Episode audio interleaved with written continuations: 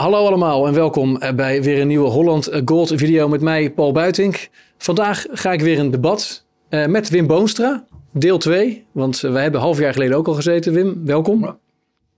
Jij bent bijzonder hoogleraar, hoogleraar um, politieke en monetaire economie aan de Vrije Universiteit in Amsterdam. En ook al decennia lang verbonden als econoom aan de Rabobank. Dat klopt. En wij hebben vorige keer een echt een, een, goed, leuk gesprek gehad. De reacties waren positief en mensen waren ook eigenlijk op zoek naar deel 2. Mensen wilden graag dat wij weer zouden zitten om wat langer door te praten. Met name ook over de euro, want daar hadden we best een verhit debat over aan het eind van de vorige video. Dus wij gaan vandaag lekker een uurtje keuvelen, debatteren, praten over de euro en allerlei dingen die daar momenteel spelen. Leuk. Ja, dat wordt ongetwijfeld uh, leuk en onderhoudend. Uh, een aantal dingen wil ik met je bespreken. Allereerst uh, kijken naar de status van uh, contant geld en de toekomst van contant geld. En de digitale euro, die daar natuurlijk ook mee samenhangt. verder wil ik met je praten over de noodplannen voor de euro, waar recent een hoop over te doen is geweest in Den Haag. En ook met je praten over jouw plan om iets te doen met die schulden die de ECB aanhoudt. En wellicht de ECB die eigen effecten gaat uitgeven.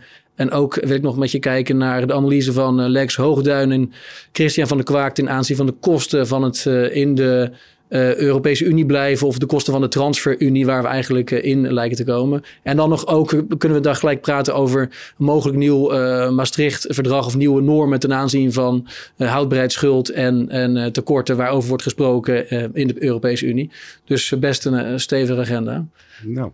Laten we beginnen met contant geld. Want, want er was weer wat hoop over te doen deze week. Ook Rabobank kwam een aantal keren in het nieuws. Uh, allereerst uh, circuleerde er een brief op internet van een klant. Die had een brief gekregen van de Rabobank dat hij vooral minder geld moest gaan opnemen. Want uh, dat was niet de bedoeling dat hij zo vaak pinde. Ik spreek zelf ook regelmatig met horecaondernemers die bijvoorbeeld veel cash ontvangen van Duitse toeristen. Maar ook van de Rabobank te horen krijgen van graag niet zoveel geld storten. Niet zoveel cash, want anders dan moeten we wellicht ook zelfs de relatie bij beëindigen. Tegelijkertijd um, wordt er door de centrale bank heel erg duidelijk aangegeven: contant geld moet, moet blijven. Jij zei in de vorige um, sessie met mij van nee, je was ervan overtuigd. Contant geld blijft ook. Maar ja, als het op deze manier wordt ontmoedigd, onder meer ook door banken, wat is dan nog de toekomst van contant geld? Nou, kijk, ik, ik weet precies achter ons deze klanten natuurlijk niet. Hè, dus daar, ja. daar kan ik helemaal niet op ingaan. Maar het, het, het probleem met contant geld is natuurlijk dat het een door de centrale banken in stand gehouden circuit is, waar natuurlijk ook heel veel in gebeurt wat niet netjes is. Eh, contant geld leent zich uitstekend voor eh, criminele transacties, omdat het nergens wordt geregistreerd, transacties. Dus als er hele grote eh, betalingen contant gaan, ehm, wat eigenlijk niet meer mag ook, hè, en dat, dat is eigenlijk ook volgens mij al aan, aan maxima gebonden, uh, ja, dan gaan er alarmbellen af. En dat moet bij de bank doen, want anders krijgen ze op de kop van de toezichthouder dat ze hun uh, hun anti-witwasbeleid niet op orde hebben. dus ja, dan, dan, dan moet je dat uitleggen. Kijk, en als jij van tevoren weet van ik krijg heel contant geld en dit is de achtergrond en het ziet er allemaal heel keurig uit. Dan denk ik dat het verstandig is om al van tevoren even bij je bank contact op te nemen en uit te leggen waarom je doet wat je doet. dat je op voorhand dus eigenlijk al even de bank al erop op wijst van nou, dit, dit kan, kan gebeuren. Uh, ja, en, en, dat zit daarachter.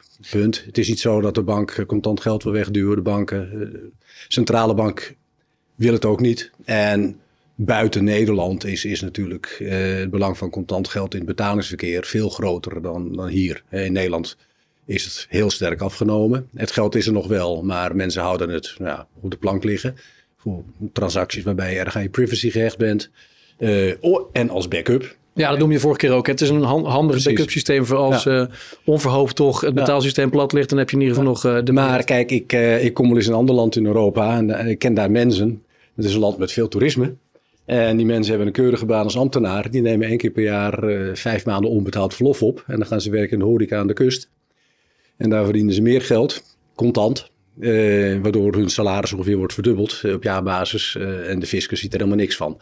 Hè, dus dat contant geld daadwerkelijk ook wel een rol speelt in het ontwijken van registratie door belastingautoriteiten en zo. Ja, dat is zo. Maar in sommige landen is het ook een cultureel ding. Hè, in Duitsland, ja, Duitsland wordt belasting betaald. Anders zou die overheidsfinanciën niet zo zijn zoals ze zijn. En toch is in Duitsland houden mensen zelfs contant geld als vermogen aan. Tijdens de crisis was een van de weinige dingen die de hele crisis door hebben geboomd, zo na de financiële crisis. Dat was de verkoop van private kluisjes in Duitsland. Ja. Hm, hoogconjunctuur, ja. Nou, wij hebben ook heel veel klanten die met uh, contant uh, geld betalen. Er zijn nu nog geen limieten aan verbonden. Je hebt alleen een meldplicht als, als organisatie als de bedragen te hoog zijn, gewoon een modmelding. Er komt straks natuurlijk wel een maximum aan van 3000. Hè, dat uh, ja. misschien al per 1 juli. In, in, het, in een wetsvoorstel waarin ook andere dingen staan genoemd. Waaronder het monitoren van transacties boven de 100 euro. Dat banken die data gaan delen met elkaar. Hoe kijk je naar die wet? Nou, Um, poeh, hoe kijk je naar die wet? Het lijkt, me voorstel. Dat, het, het, lijkt me dat, dat, dat 100 euro een uh, wel erg lage limiet is. Daar valt wel heel erg veel onder. Ja, maar uh, voor de maar, Rabobank zou het misschien een zegen kunnen zijn. Want de Rabobank is natuurlijk ook deze week nieuws gekomen dat ze, dat ze worden onderzocht. En dat ze wellicht uh, net als ING en, en uh, ABN AMRO een grote boete gaan krijgen. Dus als, je, als dat allemaal door banken als branche gaat worden gemonitord. Dan kan je als Rabobank in ieder geval zeggen... Oké, okay, dat, dat gaat ervoor zorgen dat ik waarschijnlijk minder snel boete krijg in de toekomst. Dus... Nou, je, weet, je zit, of je wordt door de hond gebeten als bank omdat de overheid op je nek zit, of je wordt door de kat gebeten als het volk je aanpakt omdat je te veel meekijkt. Kijk, je doet kijk, eigenlijk nooit goed wat dat betreft. Kijk, de grote criminaliteit en de grote belastingontwijking draait niet om transacties van 100 euro. Eh, en, en dan zou ik zeggen van kijk er maar eens even wat, uh, wat, wat beter. Kijk, een van de problemen is, maar er wordt dus wel aan gewerkt, dat is dat uh, we hebben in Nederland natuurlijk een lange breed wetgeving eh, waar banken aan moeten voldoen bij het aannemen van klanten, het soort transacties. Hè, de echt, en er worden ook op jaarbasis honderden miljoenen euro's tegenaan gegooid om dat te doen. Ja, je hebt duizenden mensen in dienst bij de Rabo alleen om, om, dat werk te, te, doen. Om dat, om dat te doen. En, maar het probleem waar we heel lang tegenaan liepen is, hè, want stel er komt een klant bij, bij ons, onze mensen kijken ernaar en die zeggen van nee, deze, deze klant die, is te schimmig verdienmodel, dat willen we niet. En het is een crimineel. Dus wij weigeren die klant. Dan mogen wij dat niet uh, tegen andere banken zeggen van pas op, X is een crimineel. Hebben, hebben, dus wij hebben sterke aanwijzingen dat X crimineel is. Laat ik iets neutraler zeggen. Dat mag niet. Dus je gaat naar de volgende bank. En als die hem ook van gaat hij naar de volgende bank. En het eindigt, uiteindelijk eindigt hij bij de bank die zijn werk het slechtste doet. Dat is dus zes keer hetzelfde werk. Kans dat er toch altijd nog een keertje iemand toch uiteindelijk in het systeem komt. En, en dat gebeurt gewoon. En de ene bank heeft het beter op orde dan de andere. Nou, en, en de banken die het slecht op orde heeft, die hebben een beetje dat voetputje. Ja, maar dat je inderdaad, uh, als je bij sterke vermoedens van criminaliteit, dat je dat deelt met andere banken, is inderdaad wel van een andere orde dan massaal alle transacties van boven de 100 euro met elkaar delen. Want dat, ja, maar, maar kijk, dat, dat kijk, gaat je, wat jou betreft ook te ver dan. Of? Kijk, ik, ik, zou, ik zou het ook eerder, maar goed, ik, ik, ik zit dus niet in deze business. Hè. Laten we dat even, ik, ik ben slechts de econoom. Maar kijk, we hebben ook een BKR in Nederland. Nou, dat is gewoon een zelfstandige instelling, een eigen rechtspersoon. maar op het moment dat jij een hypotheek aanvraagt, maar je hebt er ook nog eentje lopen bij twee andere banken. Eh, dan wordt er altijd even toets bij het BKR van heeft deze persoon nog schulden lopen? Want veel mensen jokken daarover. zo is het, helaas. nou, in de BKR die, die kan dan zien van ja, deze, deze persoon heeft, uh, komt hier dus niet voor een aanmerking. En dat, dat instituut bestaat al decennia. En ja, het lijkt me logisch dat je het langs zoiets doet. Dus niet dat bank A naar bank B en C briefjes gaat sturen, maar gewoon dat, dat je bepaalde zaken centraal het registreren op afstand. Dus ook niet dat alle informatie op straat komt, maar wel dat op het moment dat je informatie nodig hebt voor een nieuwe klant of bedenkingen krijgt bij een klant, dat je dat kunt toetsen of er al uh, problemen zijn. Ja, maar heb je onafhankelijk. De, Financial Intelligence Unit heb je daar toch al voor om dat daar te melden? Nou ja, precies. Dat, hoe precies is georganiseerd vandaag. Maar dat, dat je het op die manier doet. Maar ik moet je zeggen, ja, transacties van 100 euro. Eh, kijk, maar, van de, dit, van dit, zeg, dit, dit, zeg ik dus niet gehinderd door als veel verstand nee. van zaken hier. Hè? Je slag hem de arm hak even om. Maar dan, dan wordt het aantal transacties als je monitoren zo ongelooflijk groot. Ja. Dat de kans dat, je, dat de echte missers er tussendoor glippen natuurlijk alleen maar groter wordt. Dus ja, het, ja. Het, het, maar, maar los, van, los van het feit dat het qua, qua, maar dit, qua mensenrechten... Zeg ik, dit zeg ik als econoom. Ja. Nee, maar als, als mens dan uh, vraag ik je van ook weer als dat je dit soort uh, dingen wil verzamelen als overheid. Dat zou je niet moeten willen. A, de veiligheid als het ooit wordt gehackt en al die gegevens komen op straat. Maar B, uh, lijkt het ook een, disproportionele uh, manier te zijn om, om enkele boeven te vangen. Ik denk dat we eigenlijk als beetje sinds 2001, sinds de Patriot Act, zijn we constant bezig om iedereen maar eigenlijk als verdachte te behandelen. Ook bij het vliegveld als je wil reizen. hoe iedereen aan allerlei controles wordt, wordt onderworpen. Maar ook dit voorstel weer alles om maar die paar boeven te vangen. En, en waar uiteindelijk de, een enorm hoge maatschappelijke prijs voor wordt betaald. Dus, en het is natuurlijk heel veel symptoombestrijding. Hè? Dus in, plaats van dat we proberen illegale uh, wiettelers uh, te, te vangen via dit soort transacties, kun je gewoon beter um, uh, wiethandel legaliseren. Om maar een voorbeeld te noemen. Ja, goed, dat, goed, maar dat is natuurlijk een hele andere discussie. Maar ja. ik, het is wel een verkeerde kant die we denk ik als samenleving opgaan door dit soort transacties uh, te willen gaan monitoren. En, en als bank word je dan natuurlijk een uitvoeringsorgaan. Uh, en wil je natuurlijk voldoen aan de, aan, de, aan de wet en regelgeving. Maar je bent als bank constant de gebetond. Of je krijgt de boete omdat je te weinig doet. Of de samenleving valt over je heen omdat je te veel aan het controleren bent. Ja, maar kijk, kijk weet je, op zichzelf is dat natuurlijk niet iets nieuws. Hè? Ik, uh, nou goed, ik, ik, ik, was in het begin van mijn loopbaan was ik projectleider invoering euro. Ja. En ik kan me nog heel erg goed uh, de blinde paniek bij banken in grensstreken herinneren. Waar heel veel contant geld in kluisjes lag. Belgen brachten hun contante geld naar Nederland. Een Nederlands bracht contant geld naar België. buiten het zicht van de fiscus. Ja, en hoe ga je dat contant geld zetten, omzetten in, in euro's, hè, die franken en die guldens? Ja, en dat, dat was een vraag hè, ja. die ik dan bij lezingen ter plekke kraam van hoe gaat dat werken? Niet dat ik het zelf heb, maar er schijnen mensen te zijn. ik ken iemand. ja. En dat hebben, hebben de mensen in de tijd trouwens opgelost door geleidelijk aan de aanloop naar de invoering van de bankbiljetten steeds geld stapsgewijs naar de, toch naar de betaalrekening te zetten. Ja. Dat kun je ook zien, hè, dat hoewel het uh, contant geld vlak voor de invoering van de nieuwe bankbiljet echt heel scherp afnam. Uh, en dan, nou ja, op het moment dat de rekeningen waren omgezet, werd het contant geld erop genomen. En zag je echt zo die dip weer zo lopen. Dan. Ja. Ja, ja nou, interessant, interessante anekdote. Hey, dan uh, die digitale euro, uh, Wim. Daar wordt natuurlijk ook vaak in verband gebracht met, met contant. Terwijl de, de centrale bank heel duidelijk zeggen... nou, contant uh, blijft bestaan. Uh, maar de digitale euro die gaat er dan waarschijnlijk naast komen te staan. Uh, de eerste vraag aan jou. Ehm, we hebben het eerder ook over gehad, maar we zijn nu weer een paar maanden verder. Er is meer duidelijk geworden ook over wat het misschien gaat worden. Maar wat is nou precies het doel van, van de ECB? Waarom willen ze zo graag die digitale euro hebben? Of, of, of Europa in het algemeen, dus ook de, Europese Raad, de Europese Commissie. Lijken allemaal voorstander te zijn van dit instrument. Waarom? Ik moet je eerlijk bekennen dat ik geen flauw idee heb. En dat ik het sterk gevoel heb dat heel veel mensen bij de centrale bank zelf ook geen flauw idee hebben. Spreek jij uh, ja. Uh, centrale bankiers die jou dan in vertrouwen vertellen dat ze het ook niet weten? Nee, maar je merkt het uit discussies die je hebt. kijk, als jij uh, die stukken over de digitale euro leest, nou, dan worden er allemaal dingen genoemd. Hè. Eén daarvan is contant geld zou kunnen verdwijnen.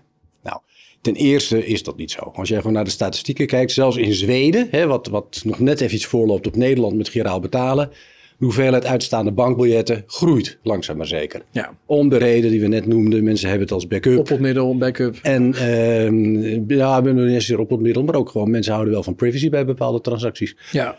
en, uh, niet iedereen hoeft te weten hoeveel het etentje gekost heeft en zo. Hè, dus, uh, maar als dat al een probleem zou zijn dat contant geld zou gaan verdwijnen, dan zou het antwoord kunnen zijn dat je een digitale euro ontwikkelt die zoveel mogelijk op contant geld lijkt. dat is bijvoorbeeld wat ze in Duitsland ook sterk voor zijn. Dus dan heb je als het ware een chipknip, maar dan met, met het goed wat je bijlaat vanaf de centrale bank met een peer-to-peer betaalmogelijkheid. Ja. en eventueel kan ook natuurlijk via de telefoon. Ja, ja, een, een chip. En dat kan of het op een kaart of op een telefoon. Maar het, het, gaat erom dat, dat, dat, dat het een, een token is, hè, een dingetje waar, waar je van de ene persoon naar de andere persoon mee kan betalen, zonder dat daar een terminal tussen zit. Hè. Bij de chipknip kon de bank nog steeds alles zien wat je en niet, en niet gekoppeld aan een, aan een account? Uiteindelijk moet zo'n ding wel aan een account af en toe gekoppeld zijn. Of bij in ieder geval bij een centrale boekhouding bij de centrale bank om te voorkomen dat er dubbelspending, uh, digitale. Uh, ja, oké, maar er hoeft, geen, er hoeft geen naam gekoppeld te zijn aan die chip. Nee. Hè? Maar dat zou dan logisch zijn. Nou, het tweede argument dat je wel hoort is financiële inclusie. Hè, van digitaal centrale bankgeld. Is waar, uh, als je in, in Peru of, of in Bolivia of ja. Afrika. daar zijn hele gebieden waar commerciële banken gewoon niet komen. En waar, alles, waar juist te veel contant geld is. En dan is het niet onlogisch dat de overheid zorgt dat mensen eh, op een digitale manier, hè, zoals met een mobiele telefoon en internet en zo, hun geld kunnen opslaan, kunnen betalen, kunnen sparen, kredieten kunnen krijgen. Dan help je gewoon aan het ontwikkelen. Maar als je dat je belangrijkste doelstelling is, dan moeten dingen juist zoveel mogelijk op een bankrekening lijken. Dus dan kom je al op een hele andere ontwerpkeuze uit. Ja. En in Europa speelt dat niet. Nee, in Europa is dat gewoon... In nou, iedereen, Oost-Europa, wat, wat zijn daar... Iedereen in de Europese Unie heeft recht uh, op een bankrekening. Heb ik me laten vertellen door, uh, uh, door mijn juridische collega in deze. En er zijn in Oost-Europa nog steeds landen waar ze wat achterlopen. Of het gemiddelde in Europa is duidelijk hoger dan in de Verenigde Staten of in Japan. Ik bedoel, het is, echt een hele... In Nederland zit het echt op 100% of 99,96%. En als mensen het niet hebben, en dat komt dus in Oost-Europa iets meer voor dan in West-Europa, dan is het meestal dat ze gewoon digibet zijn. Dat ze gewoon niet kunnen omgaan met, met die apparaten. Dat los je dus ook niet op met een centrale bankrekening. Maar in Nederland heeft natuurlijk wel organisaties, uh, neem een, uh, een viruswaarheid, maar je hoort het vaker, uh, die geen bankrekening kunnen krijgen. Um, zouden ook, en volgens mij is het uh, juridisch zo dat uh, ook zij het zouden moeten kunnen afdwingen. Is het dan als, dan, dan, als... Moet je, dan moet je naar de rechter gaan. Kijk, ja, maar stel dat commerciële banken zich niet, niet willen branden aan een bepaalde organisatie, maar die organisatie wel wil meedoen aan het maatschappelijk verkeer via een waterleiding, via een elektriciteitsnet en, nou. en via een rekening. Moet het dan, is dat dan misschien voor is dat een hele kleine use case voor een, uh, dat, voor een CBDC dan bijvoorbeeld? Uh, dat nou, banken contractsvrijheid houden? Dat, uh, dat, dat weet ik niet of de centrale bank er dan wel zijn handen aan zou willen branden. Hè, te meer daar de centrale bank, zoals die, die digitale euro zouden willen invoeren, niet willen dat de centrale bank zelf direct klantcontacten gaat doen.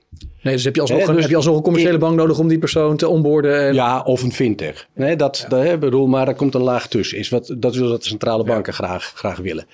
Um, hè, en ja, in principe heeft iedereen recht op een, op een rekening. Um, het kan dus wel een heel uitgekleed product zijn. Ja. Ik heb een... Zonder kredietfaciliteiten, met beperkte saldi, alleen betaalde. Ik bedoel, ja. dat, dat, dat kan. Dus zelfs, zelfs mensen met een criminele achtergrond hebben, ja, moet ook uiteindelijk weer, als een straf hebben uitgezeten, Zo is het. kunnen ja. participeren in het normale leven. Ook al heb je zelfs bankliefde niet als klant. Nou, in Nederland hadden we daar al lange breed een convenant over. Dat is ouder dan de Europese wetgeving. En tegenwoordig is de Europese wetgeving wel. Dus daar heb je in Europa geen. CBDC voor nodig dat argument, dat, maar je hoort het, je leest het af en toe nog wel. Um, een derde iets is, is de, autonomie, de strategische autonomie van Europa. Ja. Nou, dan is natuurlijk meteen de vraag van ja, maar wat voegt een retail CBDC daar nou in vredesnaam aan toe? Als jij bang bent dat de euro wordt overvleugeld door de renminbi, en die angst deel ik overigens, want China weet precies wat ze willen, dus die euro die gaat langzaam zeker worden afgeknabbeld en de renminbi gaat steeds groter worden dan moet je zorgen dat het internationale gebruik van die euro groter wordt. Dan moet je dus bijvoorbeeld zorgen dat die kapitaalmarktunie, waar ze nu al tien jaar over praten, maar die dus gewoon nog steeds niet af is, eindelijk eens een keer van de grond komt. He, dan moet je zorgen dat het grensoverschrijdend betalen in euro's makkelijker wordt. Uh, wat China dus allemaal met hun digitale munt wel doen, hè, die, ja. die, die digitale renminbi. Daar kan een importeur-exporteur in Afrika rechtstreeks betalingen doen met, met zijn bank in China. He, nou, dan loop je om je centrale bank heen van die landen. Dus dat, dat ze daar bang zijn voor uh, monetaire autonomie. Ja, dat zou ik ook zijn als ik uh, president van een centrale bank in bijvoorbeeld Afrika was. Ja. In Europa is het al wat minder waarschijnlijk. En is echt een vraag, wat gaat het nou oplossen? En als ik zo zijn er allemaal dingen dat je zegt van ja, jongens. Ten eerste, is dit nou een realistisch gevaar? En ten tweede, is dan een digitale euro de oplossing? Want als jij bang bent dat cash verdwijnt, kun je ook gewoon de wettelijke status van contant geld ja, sterk. Dat je dus winkeliers verplicht om het te accepteren bijvoorbeeld. Dat zou je kunnen doen. Ik zeg niet dat je het moet doen, maar dat ze ook kunnen doen. En dan voordat je daar dan allemaal dingen gaat doen. In, in, in Nederland hebben we een goede traditie. Dan laten we de maatschappelijke kosten-batenanalyse op af. Om te kijken van is dit de meest kosteneffectieve oplossing die we hier aan doen? Is dit toekomstvast? Uh, is dit logisch? Al die stadia die, die zijn er met de digitale euro niet. Nee. Nee, en als je dan door alles heen kijkt, denk ik dat er eigenlijk maar één ding is wat, wat werkelijk uh, belangrijk is. En dat is dat ze in Europa wel langzaam maar zeker door beginnen te krijgen. Dat uh, Europa compleet afhankelijk is van buitenlandse leveranciers van betaalsystemen. Ja. He, ons betalingsverkeer, he, je haalt je allemaal rekeningen bij Nederlandse banken en weet ik wat alles. Het is het goedkoopste en snelste ter wereld. Maar het draait voor een deel op technologie van buiten de euro. Bijvoorbeeld Amazon uh, Cloud. Uh, noem maar op. Ja. En we hebben bijvoorbeeld met SWIFT uh, hebben we gemerkt, hè, toen, toen in de tijd er sancties vanuit de Verenigde Staten tegen Iran werden ingesteld hè, onder Donald Trump. Nou, de Europese politiek was het daar niet mee eens. Daar kun je verder van vinden wat we van vinden, daar gaat het verder niet om. Maar wat de Europese politiek vond, was absoluut niet relevant voor het bedrijfsleven. Nee. Want alles wat je internationaal betaalt, gaat via SWIFT. En Amerikanen zien iedere betaling in SWIFT. Ja, dus Amerikaanse dus, druk was belangrijker dus de dan de zei, we zijn het er niet mee eens. En het Europese bedrijfsleven zei, nou oké, okay, goed om te weten, maar we gaan toch maar veiligheidshalve mee met de Amerikanen. Ja. He, en dat, ja, dat heeft met, inderdaad met autonomie te maken. En we zitten nu in een wereld waarin Rusland sinds 2014 begonnen is met een alternatief voor SWIFT te maken. China werkt er al langer aan en dat Russische systeem het functioneert, maar het is nog vrij rudimentair, maar er wordt aan gewerkt. In China werkt het redelijk en het begint Oké, het is nog niet zo groot en massaal als FIFT, maar eh, toch al wel een kwart of zo. Hè? Ja, en je ziet ook steeds meer bilaterale deals die worden in yuan afgerekend tussen Midden-Oosten ja, nee, en nee, maar dat, dat, nee, maar dat is precies wat China aan het doen is. Ja, Nee, ja. China wil dat, je, dat die internationale eh, positie van, de- van de renminbi wordt versterkt. Dus hè, dat, dat mensen in hun transacties met China in eigen munt gaan betalen. Dat eh, dan de deviezenreserves in renminbi ook groter worden. En het verschil tussen China en Europa is dat China heel lang vooruit denkt. Hè, toen zij in 1979 begonnen met we gaan ons openstellen, want we willen een grote en machtige economie worden. Nou, toen is het toch wel her en der in de wereld wat gegniffeld. Twintig jaar later is het dankzij China dat we die mondiale doelstellingen op het gebied van, van armoedebestrijding hebben gehaald. Want het is allemaal in China gebeurd. Ja. En je bent weer tien jaar verder en het was gewoon een economische wereldmacht. En ze weten precies waar ze naartoe willen. En als het gaat om strategisch denken, eh, ja, heeft Europa toch tien jaar liggen slapen. Want Anders waren we echt niet zo afhankelijk geweest van Russische energie of Saudi-Arabische eh, olie Ja. of wat iets meer zijn.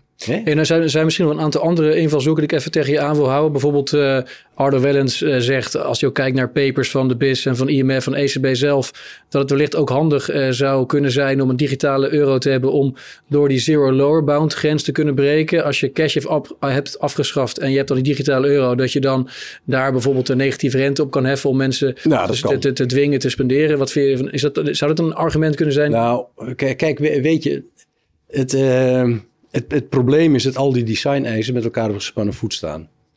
Als jij zegt van ik wil, een, ehm, ik wil dit doen. En overigens zijn de meeste centrale banken zegt toch echt dat ze die kant niet op willen. En dat is ook heel verstandig.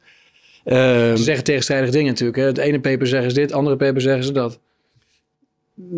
dat, nou, Het is eh, verre van wetenschap. zeg je? Het is absoluut geen wetenschap. Het zijn allerlei Nee, maar kijk, kijk, eh, maar, nee, maar kijk, weet je, als, je- als je alles al zeker weet, is het geen innovatie. En dit is een innovatie. Hè? Dus, dus het, ze zijn natuurlijk zoekende. Ja. Hè? Alleen, eh, wat ik lastig vind, is dat ze vooraf niet beginnen van jongens, wat willen wij bereiken met dit ding? Wat is het probleem wat we willen oplossen? En dan ga je werken en dan komt daar iets uit. En dan ga je kijken, is dit de beste kosten? Ja. Is dit toekomstvast? Is hè, wat zijn on- kunnen er neveneffecten zijn? En, maar als je nou zegt aan de ene kant, privacy is heel belangrijk. En dat komt uit de, de consumentensurvey die de ECB heeft gehouden, waar overigens de meerderheid van de mensen die reageerden uit- in Duitsland wonen. Ja, Maar daar komt uit van, er moet een enorm hoge mate van privacy zijn. ja. Nou, En ze waren bijna unaniem negatief, hè? Al die Duitsers. Iets van eh 11.000 eh, reacties en bijna allemaal negatief. ja, maar goed, het, eh, kijk, het, het, het leeft niet onder de mensen, in Nederland ook niet. Nee. Eh, maar dat zal wel komen. Maar als je dan zegt van die anonimiteit, dan heb je direct het onderwerp rentevergoeding, positief of negatief, doet er niet meer toe. Want aan wie ga jij in vredesnaam rente vergoeden als je niet weet wie die rekening heeft? Nee, maar je kan natuurlijk zo'n ja, maar je kan zo'n saldo natuurlijk wel laten, laten k- krimpen of, of stijgen, eh, on- ongeacht wie dat saldo Nee, want, want dat, staat, dat staat bij die, die hele anonieme ding. Dan, dan hebben mensen het dus op hun, Lokaal, hun, ja. hun waar je lokaal dingen mee kan doen. Maar je kan ook een variant bedenken dat het nog steeds anoniem is, maar waarbij er wel centraal kan worden eh, beïnvloed of wat het saldo waard is. Dat kan natuurlijk ook. Eh, nou, wat het saldo waard is, het zal afhangen wat de prijzen doen. Ja, maar wat dat is iets anders. Nee, daar, het zal daar, heb, 1000 of 900 is of 1100. nee, daar heb je op dat moment geen invloed op. Dat kan alleen bij een account-based iets. Maar bij een account-based iets heb je per definitie mate van privacy Ja. niet. Nee, maar Dus, je, je, kan ook hè, een variant, dus- je kan ook een hybride variant bedenken, technisch gezien, waarbij eh, het saldo wel eh, fluctueert. Dan moet je dus een variant hebben die dus en account-based en tegelijkertijd ook token-based is. Dat zal wel kunnen, maar dan wordt het geleidelijk aan wel heel erg gruwelijk ingewikkeld. Hè? En centrale banken die, ehm die PBC, het, het onderwerp monetair beleid, hè, daarvoor Ja. in te zetten, daar lopen ze echt voor weg. Ehm, en terecht ook, denk ik. Ik denk als je echt diep negatieve eh, beleidsrente zou krijgen, hè, dus niet min een half, maar min vier of min vijf, ik zeg maar wat. Ja, weet je, dan, dan ga je achter ze voor de bankieren, zou ik maar zeggen. ja, maar dan gaan mensen ook vluchten natuurlijk in allerlei andere assets. Dus, Ja, maar- eh, nee, maar dat is natuurlijk precies wat ze willen bereiken. Ja, ze willen, graag dat, ze willen graag dat mensen gaan spenderen, maar niet per se dat er een assetbubbel wordt geblazen. Nou ja, een assetbubbel met vermogenseffecten eh, Ja. die dan volgens het extra... Ik bedoel, Ja. kan, kan allemaal. Alleen je weet gewoon niet waar je ingaat. Je komt echt op terrein waar je nog eer, nooit eerder bent geweest. En voor de monetaire transmissie is het ook niet echt nodig. Want als we één ding hebben geleerd, is dat de centrale banken ook met het huidige. Hè, we hebben nog steeds die effecten global bound. Hè, de, de, minimumrente waaronder je echt niet durft te gaan. Ja. Dat je dan toch over de hele volle lengte van de yield curve de rentes kunt sturen. Hè, dus wat ze, wat ze vaak zeggen van, we hebben het niet nodig. Dus nee. Um, Hetzelfde is bijvoorbeeld discussie rond programmeerbaar geld. Dat, dat, dat is ook iets wat, wat heel erg wordt opgeblazen. Die hoor je heel veel inderdaad. Ja, Nou. Maar op zich is het ook logisch dat jouw collega um, Barbara Baarsma heeft natuurlijk een berucht interview gehad bij BNR... waarbij ze opriep tot, uh, tot carbon credits. Mensen gaan natuurlijk uh, puntjes aan elkaar verbinden en, en denken... wacht eens even, is dat, een, is dat misschien de toekomst van geld? En is geld dan nog wel geld te noemen als het aan allerlei voorwaarden onderhevig is? Dat is natuurlijk als zo'n digitale euro staat. En dan, dan is het natuurlijk wel. En dit, voor mij uh, heb je dat ook wel eens tegen mij gezegd. Dat je dat ook wel als risico ziet, toch? Dat de overheid maar, te veel macht krijgt. Oké, maar, daar, maar kijk, daar, daar word ik dan een beetje blij van. Want in recente stukken van, van de centrale bank staat gewoon. Wij willen geen programmeerbaar geld. Punt. Staat er. Iets anders is, is dat je programmeerbare contracten kunt hebben. En dat kan natuurlijk heel handig zijn. Ja, als je dat als gebruiker zelf instelt. Als je dat als gebruiker zelf ook wil. Uh, of in overleg. Kijk, laat, laat ik een voorbeeld geven. Hè. Uh, de, de, er zijn mensen die kunnen heel slecht... Die hebben problemen om, om goed met geld om te gaan. Ja, ken ze. Hè, om wat voor reden dan ook. Uh, goed, ja, ik ken ze ook wel. en ik, we, we, hadden daar lang geleden al gewoon eigenlijk een speciaal product voor ontwikkeld. waarin mensen ehm, twee rekeningen hadden de, de bovenste rekening, zou ik maar even zeggen, daar kwam hun inkomen op binnen. En er ging de vaste lasten direct af, dus de verzekeringen, de gezondheid en weet ik wat alles, de huur, energie, water. Uh, en daar konden ze zelf niet bij komen. Dat heb je toch al met, met de schuldsanering, toch? Dat je, uh, Precies. En daaronder hangt dan een tweede rekening. En daar wordt in stapjes van een bedrag per maand of per week krijgen ze dan hun weekbudget overgemaakt. Nou, dat helpt die mensen enorm. Maar je mag het natuurlijk alleen maar doen als die mensen daar zelf vrijwillig in mee willen gaan. Ja. en dat kun je straks wellicht met een digitale euro ook doen, dat je dat soort contracten neerzet. maar mijn punt is uh, boven alles van wat je er ook instopt, moet uitkomst zijn van een transparant en democratisch proces. en het mag niet zo zijn, en dat is de angst die bij sommigen leeft, dat er dingen allemaal oké, op dit moment doen we het niet. Eh, het mag ook nog niet. Maar we programmeren het al er al wel vast in. Dan kan het in de toekomst misschien alsnog een keer open worden gezet. Nou, dat moet je niet doen. Ik, ik zeg ook niet dat de centrale bank dat wil. Maar dat is een risicoscenario waar je over moet denken. Van wat je ook doet, wat je er ook aan beperkingen inzet. Dat moet allemaal op vrijwillige en transparante en als niet vrijwillig is, op democratische wijze worden besloten. Maar en, anders, en dat ligt aan het parlement en, en niet aan de centrale bank. Ja, maar het parlement die, uh, die spreekt hierover. Er was recent in eh, Den Haag een, een, debat met Kagen. Er waren heel veel mensen op afgekomen. Dus het leeft in de samenleving. Maar het, het, ja, het lijkt erop alsof eh, de Tweede Kamer en, en, en de regering hier niet heel veel over te zeggen hebben. Dat alles wordt besloten door de ECB en de commissie. Als de, als, als, de, als, als de regeringsleiders zeggen van dit willen we niet, dan gaat dat niet door. Punt. Ja, oké. Dus je zegt Rutte zou het nog kunnen vetoen. Uh, ja. Ik hoor juist van, van, van andere ingewijden dat het, uh, dat het niet meer kan. Dat het eigenlijk al een gelopen race is. Nee, de ECB kan binnen haar mandaat dit gewoon invoeren. Nee. nee, het mandaat voor de Europese Centrale Bank, dat is monetair beleid. Ze zijn verantwoordelijk voor prijsstabiliteit. Ja, en uitgifte van contant geld. Uh, ja. Dus als je dit als contant geld ziet, maar dan digitaal, dan past het. Ja, maar dat... ik denk dat ze, me, dat, dat, dat ze daarmee niet weg zouden komen. Dit kunnen ze niet doen. En zeker die dingen die te maken hebben met wat de impact dit heeft op mensen. Maar de ECB is met zoveel weggekomen de afgelopen jaren, met zoveel programma's, uh, dat dit, ja, maar dit, dit, dit kleinigheidje is, Wim. Nee, nee, nee, maar wat ze hebben gedaan, dat was gewoon allemaal monetair beleid. En, en hoe ze het hebben gedaan, kunnen we heel erg lang over praten. Uh, ze hebben de eurozone bij elkaar gehouden. Anders hadden we naast Lima nog een crisis erbij gehad die twee keer zo groot was. Goed argument om, die, om dan straks inderdaad die digitale euro in te voeren. Om bij een volgende crisis alsnog die euro bij elkaar te nou, houden. Je vult hem zelf in nu. Nou, ik denk dat, uh, dat dan zowel de politiek als uh, de her en derde gerechtshoven wel gaan zeggen van nee, dit is niet de bedoeling. Ja, oké. Nee, daar, daar, daar, maak ik mij, daar maak ik mij geen zorgen over. En ik, ik ben ook niet zo van de samensweringstheorieën. maar iets anders is, is dat ik wel... Uh, ja, la, la, laat ik het zo zeggen. Het debat is natuurlijk een, heel raar debat rond die digitale euro. Want als je nou kijkt naar Uh, bijvoorbeeld de Nederlandse Bank. In het jaarverslag over 2017 was het, geloof ik. Dat, dat in april 18 is gepubliceerd. staat een uitgebreide passage.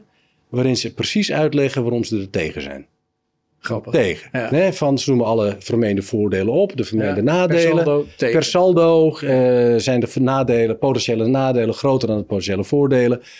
Dus eh, niet doen. Ehm, het jaar daarna kwam Libra. Kwam Facebook met het Libra en later DM. Ja. Eh, dat was de wake-up call.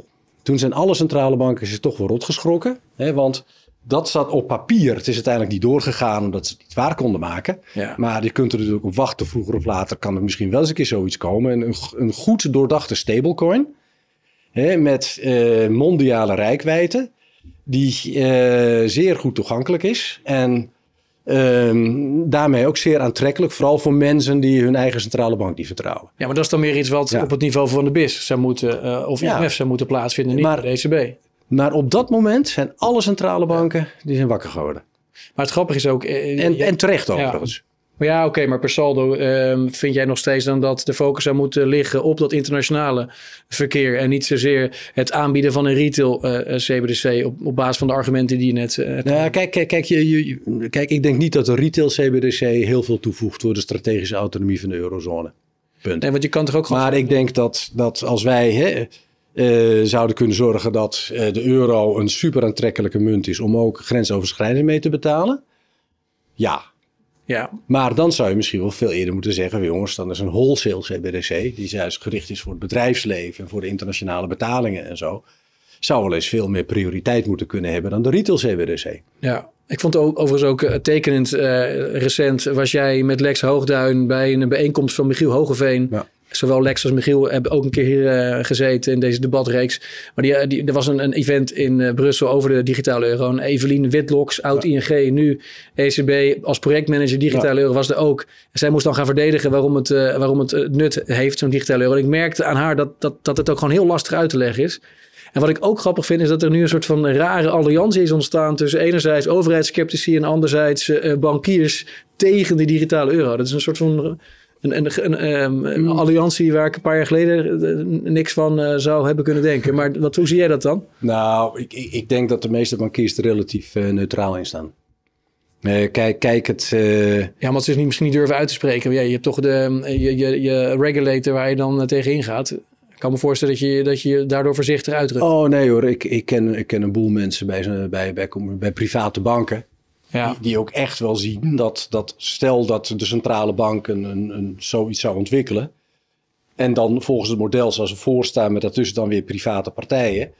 Dat het tot echt een jump in techno- nieuwe technologieën zou kunnen gebruiken. Dat je nieuwe toepassingen zou kunnen verzinnen. En dat je nog weer meer leuke dingen voor je klanten kunt bedenken. ja. Hè, dus het, het is, het is eh, nee, ook als je de, de position papers van banken en van de FNB, maar ook internationaal zo bekijkt. Eh, er wordt niet gezegd van nee, dit willen we niet. Maar er wordt wel gezegd van het moet het bestaande systeem versterken, niet verzwakken. Je moet de stabiliteit van het systeem niet onderuit halen. En, eh, en- Kortom, we moeten worden blijven beschermd in zekere zin. Nee, kijk, als, als, jij, als jij nu... Probeer eens even terug te gaan naar 2008. Nee, even mentaal. Van toen, toen ging het bij een paar banken in Nederland eh, slecht. Ja. Bankrun.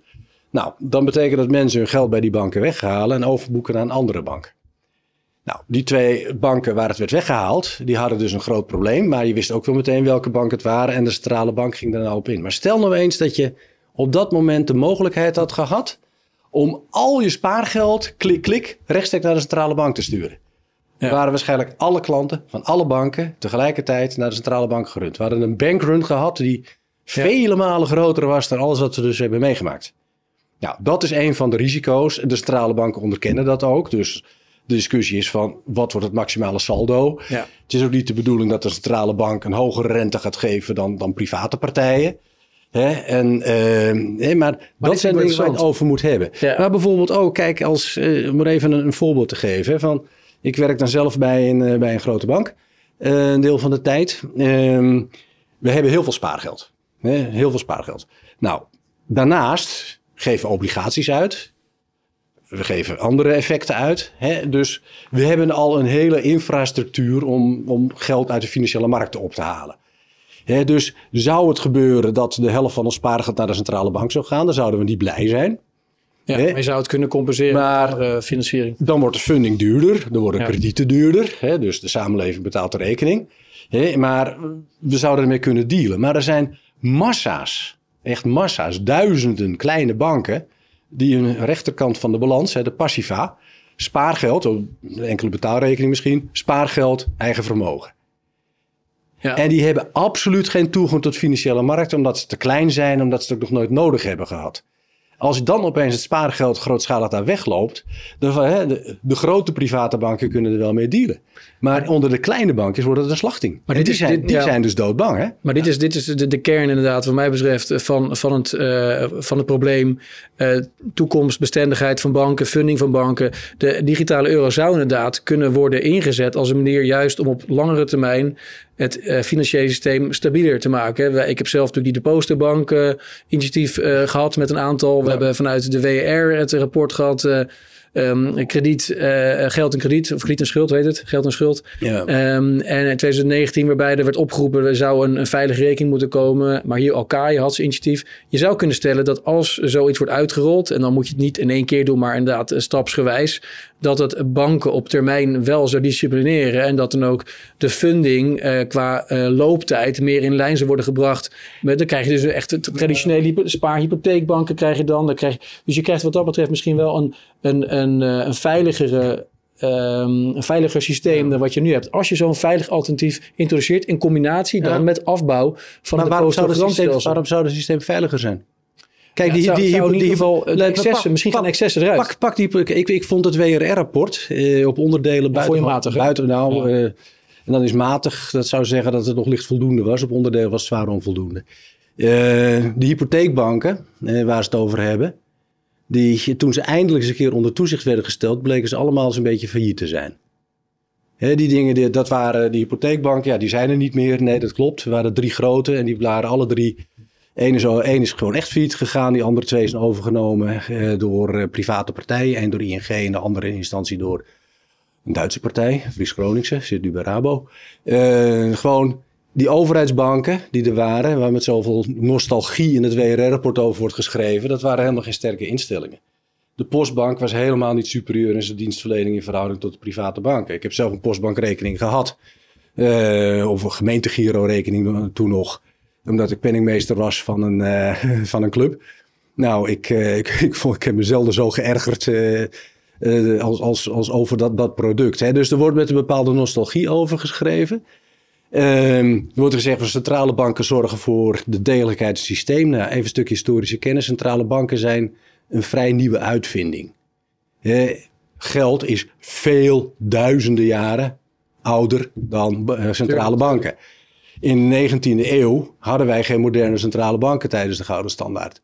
In Engeland waren er toen 160 banken die allemaal eigen bankbiljetten uitgaven. En die gaven allemaal ponden uit. En, centra en het systeem dat functioneerde ook. En het bizarre is, en ik, ik ben dus niet tegen centrale banken, begrijp me goed hoor. Maar het is wel zo dat als je een systeem wilt ontregelen, heb je een centrale bank nodig. Een hyperinflatie bestaat altijd als er een centrale bank bij betrokken is. Dat is bijvoorbeeld waarom Hayek uh, een van mijn favoriete economen in de jaren zeventig zei van het zou een goede zaak zijn om centrale banken helemaal uit het betaalsysteem te houden. Dan wordt het een stuk stabieler van. Nou, ja. ben ik het niet helemaal mee eens maar het verhaal van vroeger was alles stabieler, want de centrale bank had meer invloed, is gewoon historisch nee, onjuist. Je kan die veilige rekeningen ook aanhouden bij een, een commerciële bank bijvoorbeeld, of een, eh, of een, een, als, nationale bank. Maar het gaat er als, om. Als, er, als er één ding is wat geen moment heeft gehaperd in de financiële crisis van de afgelopen, is dat het betalingsverkeer geweest. Hè? Ja. Dat heeft ze gewoon altijd gedaan. Nee, maar daar gaat het mij ook niet om. Het gaat nou, mij om dat je... wel om. Dat geeft aan dat het Ja, maar je wil, je wil uiteindelijk toch, een, net als Hayek dat voor nou. had, een, een, een, een, markt uh, waarin je als bank ook makkelijker kunt falen.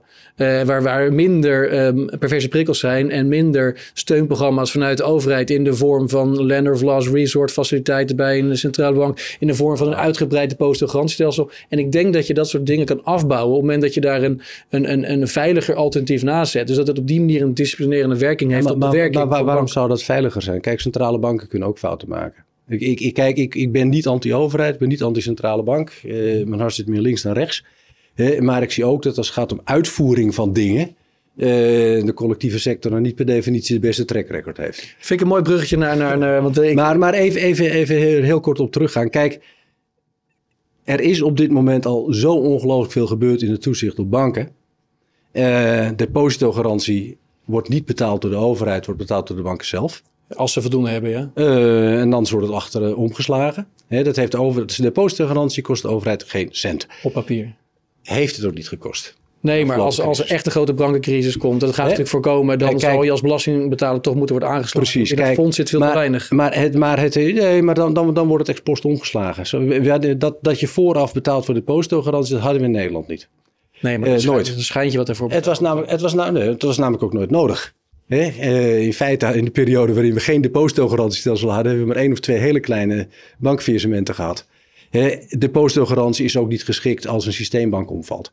Maar daarvoor is er vandaag de dag zoveel geregeld met, met dat toezicht. Je kunt min of meer in quarantaine worden geplaatst. Dan als je eigen vermogen op is, dan pak je het achtergestelde vreedvermogen, het vreedvermogen. Het enige wat veilig is, uh, is, uh, is de funding, het spaargeld van de mensen onder de depositogarantie.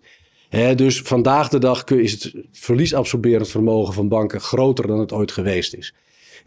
Maar het is per definitie zo. En of dat nou is als het hele financiële stelsel instort, om wat voor reden dan ook. Uh, en in een jaar als dit uh, zijn er wel meer gekke dingen gebeurd. Of als de hele voedselverwerkende industrie op enig moment omvalt. Of als alle dijken tegelijk doorbreken. Ja, overal is natuurlijk de overheid er alleen de soort. Maar die moet je wel zo ver mogelijk ja. wegplaatsen. En daar is ongelooflijk veel gebeurd. En uh, wat, wat ik zo grappig vond met het WRR-rapport. Want daar wordt dus geschreven de digitale euro als evenknie van uh, die contant geld. Digitale evenknie van contant geld. Nou, dan begrijp je het niet. Gewoon dat dossier was gewoon niet goed bekend daar. Ja. Impact en stabiliteit, daar lopen ze een beetje omheen. Dat je denkt van jongens, hoe durf je het op te schrijven? Nee, maar het leuke vind ik dat een paar mensen heel enthousiast werden. Ik kan me nog herinneren dat een bekende acteur, bekend van de verleiders, ik kan ze nou niet noemen. Uh, George van Ouds, ik noem hem wel. George, hè, die zat die avond de nieuwsuur en zodra ik een rekening bij de centrale bank kan openen, dan lig ik de avond ervoor voor de deur. Dus we worden vergelijken strekking, want ik wil de eerste zijn met zo'n rekening. Heb altijd sterk voor gemaakt. En ik heb me laten vertellen dat je nu het proces voort is. Hij helemaal naar de andere kant is gegaan. Hij is nu zeer kritisch, ja. Dit willen we niet. Maar het nou, heeft ook te maken maar met dat geeft inzicht... en de manier waarop de centrale bank zich ja. gedragen heeft de afgelopen jaren. Nou, ik, Want ik ben zelf ook kritisch. Ik was, ik heb de depositobank ah. zag ik als een, een, nuttige manier om het financiële systeem uh, stabieler en, en, en toekomstbestendiger te maken. Maar ik ben door de jaren heen ook zeer, steeds kritischer geworden ten aanzien van de macht van de ECB en de overheid. En, en uh, ik zou daar nu niet meer op die manier voor staan. Maar ik vind het wel interessant om, om daarover met jou uh, hier nu uh, te sparren. Wat ik, ik wil ook een Willem van de tijd, en ik heb nog een aantal andere onderwerpen, zou ik er een brugje willen maken. Jij gaf net aan dat je niet altijd evenveel vertrouwen hebt in de collectieve sector. Um, er, er, er is, in de uitvoering. In de uitvoering. Nou, dat is belangrijk, want ja. er is recent is er een hele discussie geweest in Den Haag over de wens bij een aantal parlementariërs, waaronder omzicht, om inzage te krijgen in de noodplannen voor als de euro uh, faalt. En die zijn tien jaar geleden opgesteld. Ik, heb, ik sprak vorige week nog met een econoom, ik zal zijn naam niet noemen, maar die zei dat hij al betrokken was bij eerste gesprekken in 2008, 2009. Toen waren het nog meer uh, uh, bierveeld uh, ja. um, uitwerking. Maar er ligt nu waarschijnlijk best wel een stevig plan over wat er moet gebeuren als die euro valt. Ik heb ook wel eens gehoord dat er al bankbiljetten waren gedrukt. En um, nou vraag ik mij af aan jou, of ik vraag me af, Wim. Um, is het niet zaak om die plannen wat breder te delen? Nu mogen parlementariërs inzicht krijgen, maar ze mogen er niks over zeggen. Dus als je het ziet, moet je, het, eh, je mag er geen foto's van maken. Je mag het niet eens met iemand bespreken. Dus als ik als parlementariër het zie en het bevalt me niet, kan ik er niks mee. Ik kan niet naar mijn eigen academische wetenschappers gaan van jongens, ik heb dit gezien, wat vinden jullie ervan? Is dat, is dat wenselijk vanuit een democratisch, democratisch standpunt? En heb je voldoende vertrouwen eigenlijk in, uh, in, in dat plan? Kijk, om te beginnen, ik, ik vind het goed dat zo'n plan er is. Uh, Eens? Uh, kijk, als jij als, als overheid aan uh, risicomanagement doet, dan moet je voor grote potentie, dingen die je zou kunnen zien aankomen, moet je gewoon een plan op, de, op tafel hebben liggen. Bijvoorbeeld twee, al naar gelang welke ja, kant het op gaat. Als een goede huisvader heb je dat. dus of het nou door om het de, de, doorbreken van, van de duinen, het, het in elkaar zakken van de dijk om het IJsselmeer of de rivieren. Of, dat daar noodplannen zijn, prima. En in de kern vind ik het eigenlijk ook dat, dat die best publiek zouden mogen zijn. Maar wat ik wel weet, hè, van stel nou dat in 2009 de overheid had gezegd van ja, wij werken een plan uit om eh, wat we moeten doen als de euro uit elkaar valt. Dan zou direct zijn geframed van Nederlandse overheid bereidt exit voor. Ja, natuurlijk, zo, zo word je geframed, absoluut. En, en precies, nou, en dat je dat in tijden van crisis eh, dus niet doet, groot gelijk heb je. Maar nu zeg jij in de kern vind je dat het wel openbaar moet worden gemaakt? Ja, weet je, ik weet niet wat erin staat. Nee, ja, dat is een beetje kantoor. Het is, het is een soort dus van maar- kat. Ik, Eh, ja, goed, nou, nu- die praat dus echt helemaal voor mijzelf als privépersoon. Ik zou eigenlijk niet inzien waarom dat niet, wat, eh, niet zou kunnen worden gedeeld. ja. Kijk, de, de gevoeligheid is eraf. Hè, Ik bedoel, eh, zelfs een aantal politieke partijen die een tijdje geleden nog niet ginnen er altijd veel verstand van zaken voor uittredingen uit de EU waren, is, nou, is dit scenario gewoon al gepasseerd. Ja. Dus, eh, dus, dus je, Nou, ik, ik denk dat het gevoeliger ligt. crisis. Ik denk dat het gevoeliger ligt dat je denkt hoor. Ik bedoel, eh, als je, als je, als je kijkt naar het aantal eh, stemmen wat naar partijen zou gaan. op basis van de huidige peilingen die, die kritisch zijn ten aanzien van of, of we wel in de euro moeten blijven. Dan heb je bijna de meerderheid te pakken. Nee hoor. Ehm, nou ja, tel ze, SP is zeer kritisch. Ja 21, PVV, FVD, BBB. er, is op. eentje, er is er eentje die echt uit Europa wil en dat is, dat is Forum. En die staan de peilingen niet op de best meer. Nee, maar ik, als je, als je en- kijkt naar en al die ja, andere 21 partijen- wil op zijn minst wil, willen, ze- willen ze een nieuw, eh, een nieuw stabiliteits eh, en eh, nou, er Ja. komt een nieuw stabiliteits en Tuurlijk komt er een nieuwe stabiliteitspact. Ja. en waar ook eurozondaars kunnen, moeten kunnen uittreden. Nou, dat, dat moeten we nog maar zien. Ik weet niet of dat verstandig is. Ik heb veel liever dat ze binnen de euro gewoon lekker vier kunnen gaan. En eigen, ja, daar gaan we, daar gaan we zo Ja. over spreken. Maar nog één ding over die, die plannen. Ik vind het, eh, dus jij zegt, ja, in principe zou het openbaar moeten zijn. Ik zou, wat ik gek vind, is dat we, er zijn best wel veel mensen, inmiddels is er denk ik wel een consensus over het feit dat de introductie van de euro onder die voorwaarden eigenlijk een politieke zet was. Want veel economen eh, zeiden vooraf al, ook zoals Arjo Klamer zei, dat er in Amerika consensus was dat, ja, zoals jullie die euro nu gaan doen, eh, ehm, is, is niet handig. Want er is Ja. niet echt sprake van een optimaal valutagebied. Jongen. Met name Italië. ehm, Er, er is... Ken je dat artikel van Mundell over... eh, Ja. Nou, wat hij daarin beschrijft... dat de Verenigde Staten geen optimaal valutagebied is. nee, maar meer dan, dan de, nee, helemaal niet. Daar komt eigenlijk uit... De arbeidsmobiliteit is een stuk, eh, een stuk beter in het Het zijn dus hier dat in zijn, hè, geen enkele economie, durf ik te stellen. Een, een, een muntunie is een politieke entiteit. En de samenhang daarbinnen, en normaal gesproken wordt die steeds groter. Ja, Hè? grenzen. Eh, nou, we zijn met die euro 20 jaar op weg. Ehm, die, die samenhang is, nou, laten we zeggen, hij is behoorlijk crisisbestendig gebleken tot dusver. En hij heeft zeker landen als Nederland en Duitsland ongelooflijk veel geld opgeleverd. Dat wordt in het debat ook altijd een beetje in achter gedaan, omdat de boekhouders van financiën zeggen we moeten zoveel aan Europa afdragen. Maar alleen al, nou ja, kijk naar Engeland, wat daar aan leegloop aan industrie en hoofdkantoren is, dat ze uit de EU stappen. Nou, al die bedrijven die in Nederland zitten, zitten er echt niet voor de Nederlandse markt. Hè? Dus eh, vanuit economische optiek is het gewoon een zeer rendabele investering geweest. Eh, het is ook allemaal keurig gelopen volgens eh politiek. eh, er waren afspraken, er waren criteria. En Italië voldeed aan de criteria. Ja. Punt. En, dan kun je, en dan kun je wel zeggen... Want de dat- afspraak was, ze moesten gaan afbouwen naar die 60%. nee, wat, wat, Dat is niet gebeurd. Nee, nee, wat daarin stond eh, in het verdrag. Kijk, ze hadden het verdrag moeten opschrijven. Jongens, dit zijn de criteria. En we maken een uitzondering voor België. Want België heeft alle Europese instellingen. Helaas Ja. in België de net zo'n hoge staatsschuld als Italië. Eh, maar ja, we kunnen niet een, een monetaire unie hebben terwijl het bestuur Nee. er buiten zit. Punt. Maar ja, dat, dat gebeurt in Europa dan niet. Nee. Dus werd het zo opgeschreven van... eh, oké, als de staatsschuld hoger is dan 60%... als je in een, niet nader gekwantificeerd... bevredigend tempo daalt... mag een land meedoen. Ja, en dat is natuurlijk gewoon eh, En- een open einde. En bij Niemand, Ita- Italië daalde de staatsschuld toen best vrij rap. ja, om daarna weer hard op te lopen. Ja, ik bedoel, ze hebben het niet goed gedaan. Maar eh, het land wat op dat moment naar de letter niet aan het verdrag voldeed... was Duitsland. Ja, Dus ieder moreel gezag van de Duitsers om te zeggen: jullie mogen niet meedoen. Dan konden de Italianen met het verdrag in de hand zeggen: van eh, jullie staatsschuld is boven de 60, weliswaar 62, maar. En hij stijgt. ja kom maar. Jullie voldoen niet aan het verdrag. Kortom, het waren absoluut niet realistische regels. Eh, Het, het, het, ja, goed, weet je. Wat, wat, wat je ziet, en soms werkt het goed uit en soms werkt het slecht uit, is dat Europese regels ehm, vaak desdanig zijn opgeschreven dat er allemaal achter. Hè, ja, ja. Ik, ik zou het graag wat strakker willen zien jongens, dit mag wel En dat mag niet. Maar dan moet je ook een omgeving zien te creëren waarin je sancties hebt. Kijk, en wat je, wat je op dit moment ziet binnen, binnen Europa. Die sancties staan natuurlijk in, in, die, uh, in de convergentiecriteria. staan boetes opgenomen. Je kunt in een, in een procedure terechtkomen en dan kun je boetes krijgen.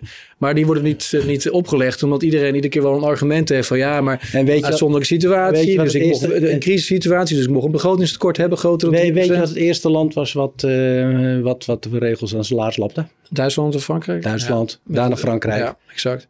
Maar, maar dus, en, en, en, dat, en dat, dat is een beetje het probleem. Er wordt in Nederland heel erg veel gemopperd op Italië. Nou, vooral zich heeft Italië ons geen cent gekost. Italië is ook geen groot schuldenland. Ze hebben een grote overheidsschuld, maar ook grote private ja, ze kunnen gewoon gaan belasten en dan kan de, de overheidsschuld worden afbetaald. Ja, dat, nee, dat, nou ja, goed, maar kijk, Italië heeft anders dan Duitsland de afgelopen 100 jaar ook nog niet gefailleerd op zijn staatsschuld.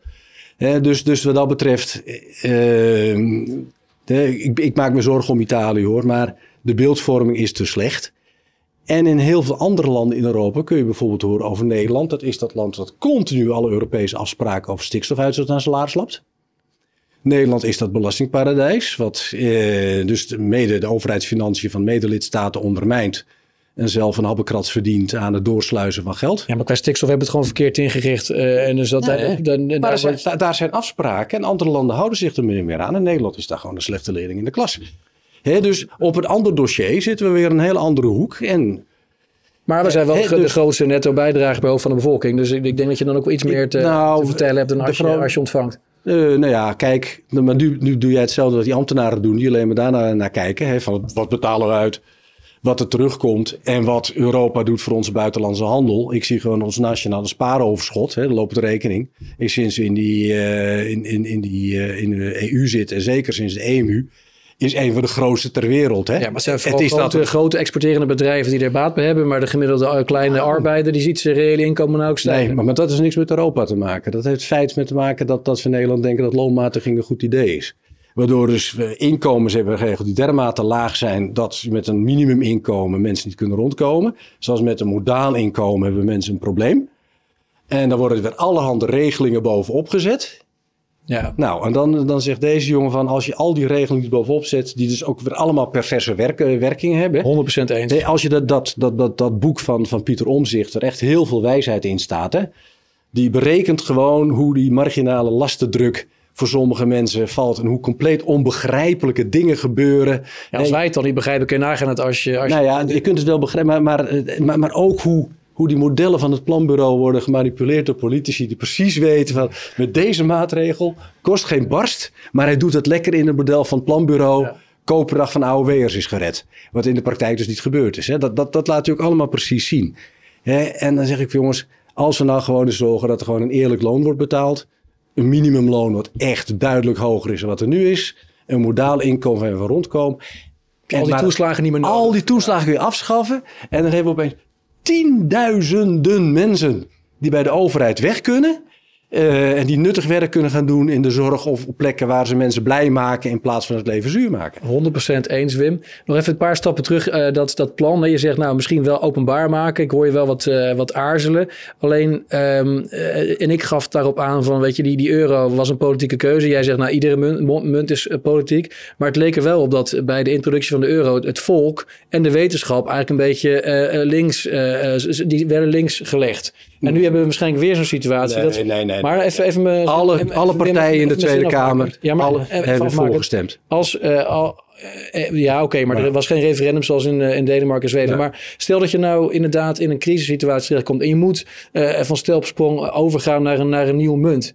dan is het dan niet gek dat we andermaal niet, of misschien hebben we de wetenschap wel betrokken hoor, maar daar is niks bekend over. Het, is, het, voelt zo, het voelt onheilspellend dat je dan naar een, weer naar een nieuwe muntunie mogelijk gaat met een paar andere landen, eh, zonder dat we daar als volk in gekend zijn. Je maakt je dan niet weer dezelfde fout. Of zonder dat de wetenschap daarin gekend is. weet jij wie, wie dat plan gemaakt heeft? Nee, vanuit, geen, vanuit, vanuit de wetenschap? Geen, geen idee, maar ik weet wel dat de verantwoordelijke instanties, uh, zowel het ministerie van Financiën als de Centrale Bank, uitmuntende contacten met wetenschappers hebben. Dus ja, dus oké. daar is zonder twijfel. Is maar jij bent er niet bij betrokken geweest? Uh... Nee, nee, nee. Nee, nee, nee. nee. Oké.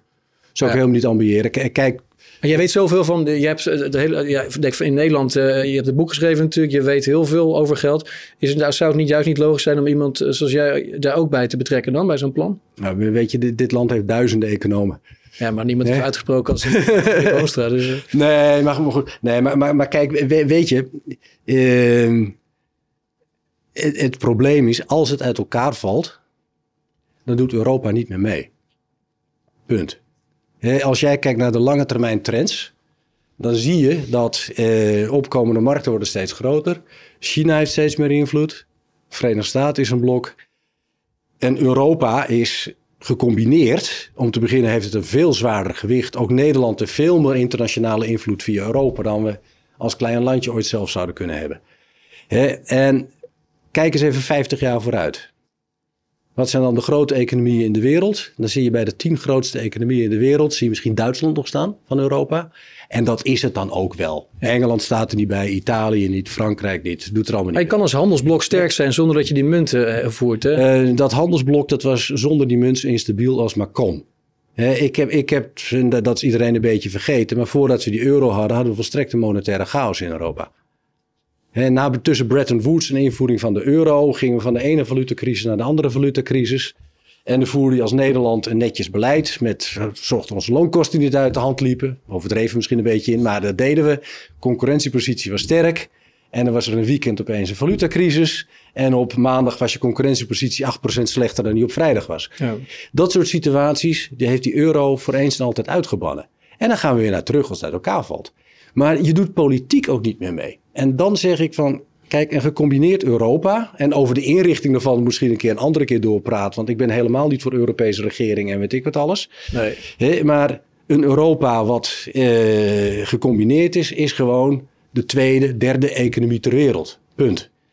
De VS wordt steeds kleiner, relatief, maar is nog steeds eerste of tweede economie ter wereld. En dan komt China en India, ja. komen allemaal op. Dat Europese blok, dat heeft met Amerika nog steeds een hele grote invloed als het gaat om dingen die we echt belangrijk vinden. En dan heb je het over klimaat hebben, over mensenrechten, over democratie, noem alles maar op. In Europa dat niet meer meedoet, is gewoon een stil. Het was ooit een welvarend gebied en je ziet het wegzakken. Net zoals Argentinië 100 jaar geleden het rijkste, een van de rijkste landen ter wereld was en nu gewoon een, uh, een ontwikkelingsland zonder ontwikkeling is, zal ik maar zeggen. En, en daar heb je invloed voor nodig. En daar kan die munt een rol bij spelen. Alleen het probleem is dat we in Europa zo ongelooflijk slecht zijn in strategisch denken. Dat en, en, en dat, ja, en omdat we die ook cultureel te verscheidend zijn. ga, ga, jij van Alaska naar Texas, dan gaan we eens een keer over uh, verschillende culturen. Ja, maar ze kunnen elkaar wel allemaal verstaan. Ja, nou ja, goed, in Europa zal het ook wel komen. Zo tussen Alaska en Texas over. Heb je eens met Texaan aan tafel gezeten? Ja, je moet goed opletten. Ik zat ooit een keer met Paul Volcker aan tafel. Nou, het is echt niet echt... Nee, zeker een paar bakjes op. Dan, uh, Maar uh, dan, uh, vorige week had ik een, zat ik bij een, een, een Nexit denktank bijeenkomst. Dat was de eerste die ze organiseerden. Daar op het podium had je Lex Hoogduin die, die gaf aan, weet je, op zijn minst ga wel een, een opt-out bedingen. Dus um, misschien dat, dat we het moment moeten aangrijpen als Nederland, dat als er een nieuw uh, pact komt, uh, een nieuw stabiliteits- en groeipact met nieuwe convergentiecriteria, dat je dan als Nederland zegt, nou oké, ik ben best bereid dat de schuldquote naar 80% uh, gaat. maar dat we dan wel in rel, dat we wel op, opnemen dat, je, dat een eurozone daar, zoals Griekenland eigenlijk, waar jij voorstander van was, wel een, een, euro kan, kan verlaten. Kijk, ik vond dat ze... Of Nederland eruit kan stappen als het, als het te bond wordt gemaakt. Eh, kijk, als, als je er een duiventeel van maakt, dan houdt het op. En dan valt het op een moment uit elkaar. Wat bedoel je daarmee? Nou, als, als landen eruit kunnen en dan weer in en dan weer uit. Dat is gewoon niet realistisch. Dan, worden, bedoel, dan, dan, dan, dan, dan is het gewoon einde oefening. Kijk, Griekenland had ze eruit moeten schoppen in 2004. toen wisten we dat ze hadden gelogen. Uh, want Griekenland heeft nooit aan de criteria voldaan. Heeft gelogen over zijn schuldcijfers, gelogen over zijn tekortcijfers. En als ze er toen uit hadden geschopt, had dat uh, weinig schade opgeleverd. Ja, oké, Griekenland was niet blij geweest. Maar wat, wat in de kern, wat, ik, ik heb daar toen met, uh, met een centrale bankier een, eh, een, debat over gehad. En dat heb ik toen gezegd. En die zei van ja, er is geen juridisch kader om een land uit de eurozone te verwijderen. Ja, maar dat zou er wel moeten zijn. En toen heb ik gezegd van nou, als je naar binnen liegt en je kunt die niet uit worden gezet, de eerste de beste amateursvoetbalclub is beter georganiseerd. Het was een kort gesprek. Ja, ja. Maar, maar als, je, als, je er, als, je er, als je erin zit, en zeker als je er als land gewoon heel goed aan verdient, en je er een stuk autonomie bij hebt gekregen, want Nederland had zijn monetaire autonomie al decennia voordat ze de euro hadden. Eh, monetair beleid van, van DNB, dat was we doen wat Duitsland doet met vijf minuten vertraging. En die vijf minuten vierden onze monetaire autonomie. En dat heeft heel goed uitgepakt voor de Nederlandse economie. We hadden geen enkele stem in Duitse monetaire beleid. En er is eigenlijk in Europa maar één land wat echt monetaire autonomie heeft ingeleverd. En dat is Duitsland. Daarom zijn die Duitsers ook zo kritisch op een heleboel dingen. En, en speelt daar het, het, het, het Hoge Rechtshof ook zo'n grote rol. Duitsland heeft meer ingeleverd dan Frankrijk, meer ingeleverd dan Italië. En zeker ook meer ingeleverd dan Nederland. Maar goed, de kosten van, van het in die transferunie blijven. Eh, daar heeft uh, ja. Lex Hoogtuin... maar het is geen transferunie. Ja, maar, ja, maar, als je, ja, maar als je kijkt, ja. uh, het onderzoek dat Lex Hoogtuin samen met Christian van der Kwaak hebben gedaan. Die hebben gezegd van joh, per jaar gaat het 21 miljard uh, kosten als, als wij echt naar een, naar een Amerikaanse situatie gaan met een groot federaal budget met eurobonds. Dan gaan wij als Nederland, als land met een van de hoogste BBP per, per inwoner, gaan we, gaan we elke elk jaar fors afdragen. en de, over de totale de periode van die eurobonds. 600 miljard tot 1000 miljard gaat het kosten. Ah, dat is, nee, daar geloof ik geen barst van. Kijk, kijk, die afwezigheid van eurobonds is gewoon een hele stevige weeffout in de eurozone. Punt. Ja, je pleit er al, al decennia voor, toch? Uh, ja, mijn eerste stukje erover was in 1989 ja. in ESB eerste ter wereld over dit onderwerp. Uh, waarvan nota. Uh, het is een van de redenen waarom die euro altijd weer uh, nou ja, dreigt te fragmenteren. En waarom een iedere willekeurige lidstaat de Europese Unie kan chanteren. Als jij dat fragmentatierisico er niet is. En Italië zou echt op een moment een probleem krijgen met zijn staatsschuld. omdat ze weer eens een keer een Pipo de Clown tot, uh, tot premier benoemen. Dan moet je een eurozone hebben van jongens, jullie houden niet aan de spelregels. Ja, je moet failliet kunnen gaan, net als Californië. Ja. Van, ja. Hey, en maar dan moet je dus wel... Maar dan moet je wel sterke euro hebben. Dan moet je dus wel de markt hebben, de omgeving hebben waarin dat kan. Hè, het is natuurlijk belachelijk dat de centrale bank een speciaal instrument probeert te ontwikkelen om te voorkomen dat de renteverschillen binnen Europa te ver oplopen. Ja. Daar is de centrale bank niet voor. Nee, dat, kun je, dat kun je oplossen door eurobonds ja. uit te geven. Nee, kijk, kijk het, als jij. Kijk, iedere kapitaalmarkt heeft een, heeft een fundament. En een fundament is de, uh, de meest risicovrije belegging. Dat is in een land is dat per definitie een staatslening. Europa, wereldwijd is dat de dollar. Uh, Europa, nee, in, in Engeland zijn, is, is dat de guildmarkt. In, ja. in uh, nou ja, ieder land heeft zo'n markt. Alleen de eurozone niet. De Europese Centrale Bank is de enige, tenminste één van de weinigen, misschien zijn er nog een paar te bedenken, maar de enige belangrijke centrale bank die niet kan terugvallen op een overheid die dezelfde breedte heeft. En dat maakt het heel moeilijk. Hè? Probeer je even in te denken dat de Federal Reserve haar monetaire beleid moet uitvoeren in effecten van Californië en van Utah, van Idaho en Hawaii. En zonder dat er een bank voor treasuries is. Gaga. Nou, maar dat is de situatie waarin Europa zit. Dus op het moment dat je dat hebt, en als dan een lidstaat zegt van ik heb een probleem, zeg je, ja, jij hebt een probleem, maar het is mijn probleem niet. Ja. En die situatie hebben ze nog nooit willen doen. En dat heeft Nederland echt veel geld gekost. Want ik, ik heb in het verleden zelfs uh, echte rekenexercities gedaan. Heel conservatief wat, wat het zou hebben gekost als we die eurobonds... Dan heb je het over conditionele eurobonds. Hè? Dat is altijd het idee geweest. Dus niet een bail-out voor alle landstaten. Nee, een gemeenschappelijke financiering. Maar je betaalt een premie al naar gelang hoe je voldoet aan de criteria. En die premie die stop je in een verzekeringsfonds. Waar de Griekse crisis in namiddag je kunnen oplossen. Ja. Eh, en en dat, dat is er allemaal niet. Nou, en, dat is, politiek is dat dood. Er is ook geen wens voor eurobonds natuurlijk. Eh, als je kijkt naar de verkiezingsprogramma's dan... Nee, kijk... Eh, maar ze zijn er wel gekomen uiteindelijk via de Next Generation EU. Hè? De ja, Europese Commissie geeft op grote schaal schulden uit. Dat zijn eurobonds, toch? Uh, voor all uh, dat, dat purpose. Ja, maar, en, maar dan kijk je even van hoe groot is die markt in verhouding tot het BBP. In Engeland is die zo groot. In Amerika is die zo groot. In Europa is die dat. Ja, maar als er 800, en, en dat, 800 miljard. Uh, en dat betekent dat, in dat, dat, is wel, dat is wel substantieel. Is het nog steeds zo? Het, het is echt peanuts in verhouding tot de economie. In verhouding tot de, het belang van de treasurymarkt voor de Amerikaanse economie, de guildmarkt voor het VK. Ieder land in de wereld heeft zo'n zo'n fundament eronder liggen.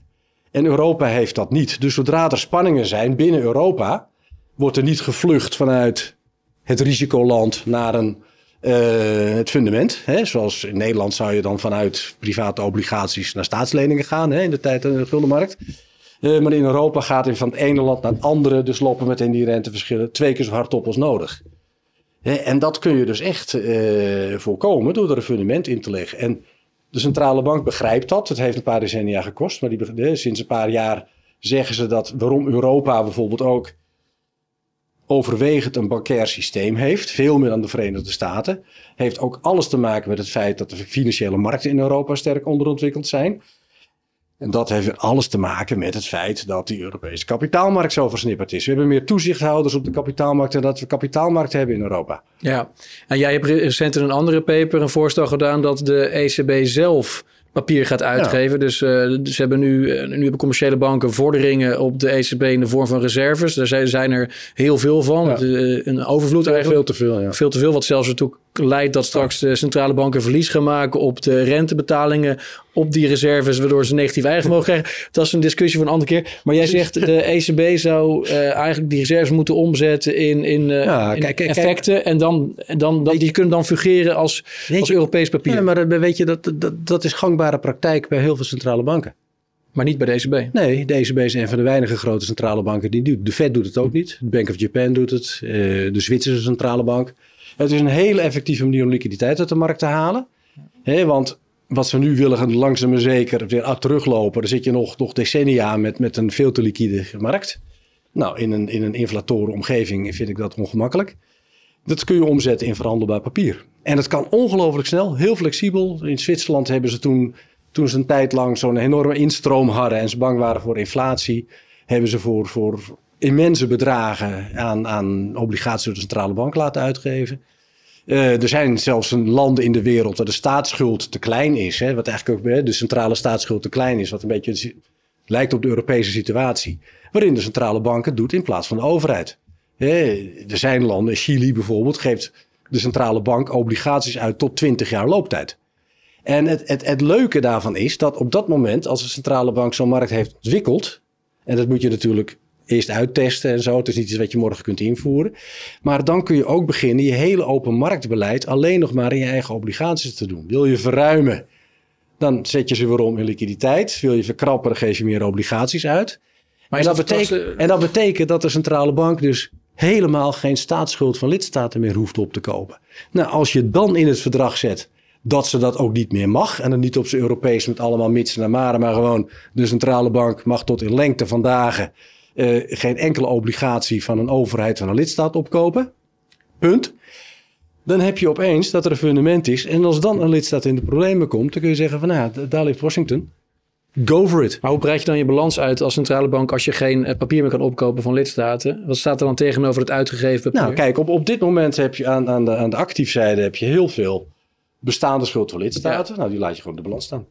Ja, oké, maar je kunt dus niet nog meer effecten gaan uitgeven dan op het moment dat je dat je, je actieve zijde niet kan laten groeien. Als... Uh, je kunt je actieve zijde ook nog laten groeien door uh, uh, meer uit te geven in de reguliere openmarktoperaties, je MRO's, je LTRO's, noem alles maar op. Ik bedoel, er staat meer aan de actieve zijde mm dan alleen die staatsschuld. Wat je ook zult zien is dat op het moment dat zo'n markt is, dat de internationale positie van de euro natuurlijk opeens veel sterker wordt omdat het dan opeens duidelijk een hele grote economie met goed ontwikkelde financiële markten is. Ja, en zo krijg je meer instroom. Ja, want, kijk, want die euro die is volstrekt stagnerend. Hè? Als je kijkt naar het aandeel van de euro als uh, reservevaluta nu. 20% Ja, dat is kleiner dan het aandeel van de samenstellende valuta's tien jaar voordat we de euro hadden. Nou, voor een deel is dat natuurlijk te verklaren doordat wat, alles wat in Europa tussen landen gebeurt is natuurlijk weggevallen. Hè? Dus voor een deel compenseert dat elkaar. Maar als je dan gewoon pakt het, het, het percentage op de in, dag van de invoering van de euro, hè, dus januari 99, dan is het echt, nou, dan zitten we gewoon op exact hetzelfde niveau als 20 jaar geleden. Ja, stagnatie. Stagnatie. En met jouw plan, is dat goed ontvangen door uh, de wetenschap en door de ECB? Uh, nou ja, goed, dat, dat zal blijken. Ik, uh, ik doe mijn best. Ja, want het was ook in combinatie met het uh, bevriezen van, uh, van uh, schulden die de ECB nu heeft, obligaties, staatsobligaties. En dat zou per saldo betekenen dat er 25% punt van de verschillende ja. staatsschuldquotes van de lidstaat af zou Kijk, Dat, dat zou de package deal kunnen zijn van een eenmalige bail-out, die de facto natuurlijk al plaats heeft gevonden. Ja. Ehm, maar dan wel mee akkoord gaan dat je never ever nooit meer gaat huilen in Frankfurt. Ja. Dat is de deal. En dan komen de schuldquotes terug op pre-corona levels. dan kun je zeggen van nou goed, dan hebben we corona monetair gefinancierd. want kijk, dat, dat is het, het, het, het probleem. Ehm, technisch gesproken is er natuurlijk gewoon monetaire financiering geweest. Maar omdat de ECB altijd heeft gezegd van ja, dit is dit is een reactie op een crisis. Het is tijdelijk. Zijn ze daar juridisch mee weggekomen? Maar zoals Jasper Lukees, de hoofdredacteur van ESB, ooit prachtig opschrijft, zegt van het eindresultaat is hetzelfde. Er staat heel veel staatsschuld op de balans van de centrale bank. En heeft ja. hij gewoon gelijk. If it looks like a like duck. Ja. en, maar als je nou wel moet realiseren hè, dat bijvoorbeeld iets van 20% van de Nederlandse staatsschuld staat op de balans van DNB. Dat betekent dat minister Kaag rente en aflossing betaalt aan DNB. Ja, dus broekzak, vestzak uiteindelijk. Ja. Want wie is de eigenaar van DNB? Minister Kaag. Ja. Dus die schuld is monetair niet relevant en kun je wegstrepen. Alleen, je moet voorkomen dat er moral hazard ontstaat. Ja want als je iemand één keer uitkoopt, dan denk je, nou, als het zo makkelijk is, hop, vallen dezelfde fouten. Dus je moet voor eens en altijd voorkomen dat het nog een keer kan. Dat heb je al een beetje dat we de, de schulden van de, de Caribbean en uh, Suriname weer opnieuw moeten kwijtschelden. Dat hebben we al een keer gedaan en zo blijf je bezig. Ja, ja goed, dat is een ander onderwerp.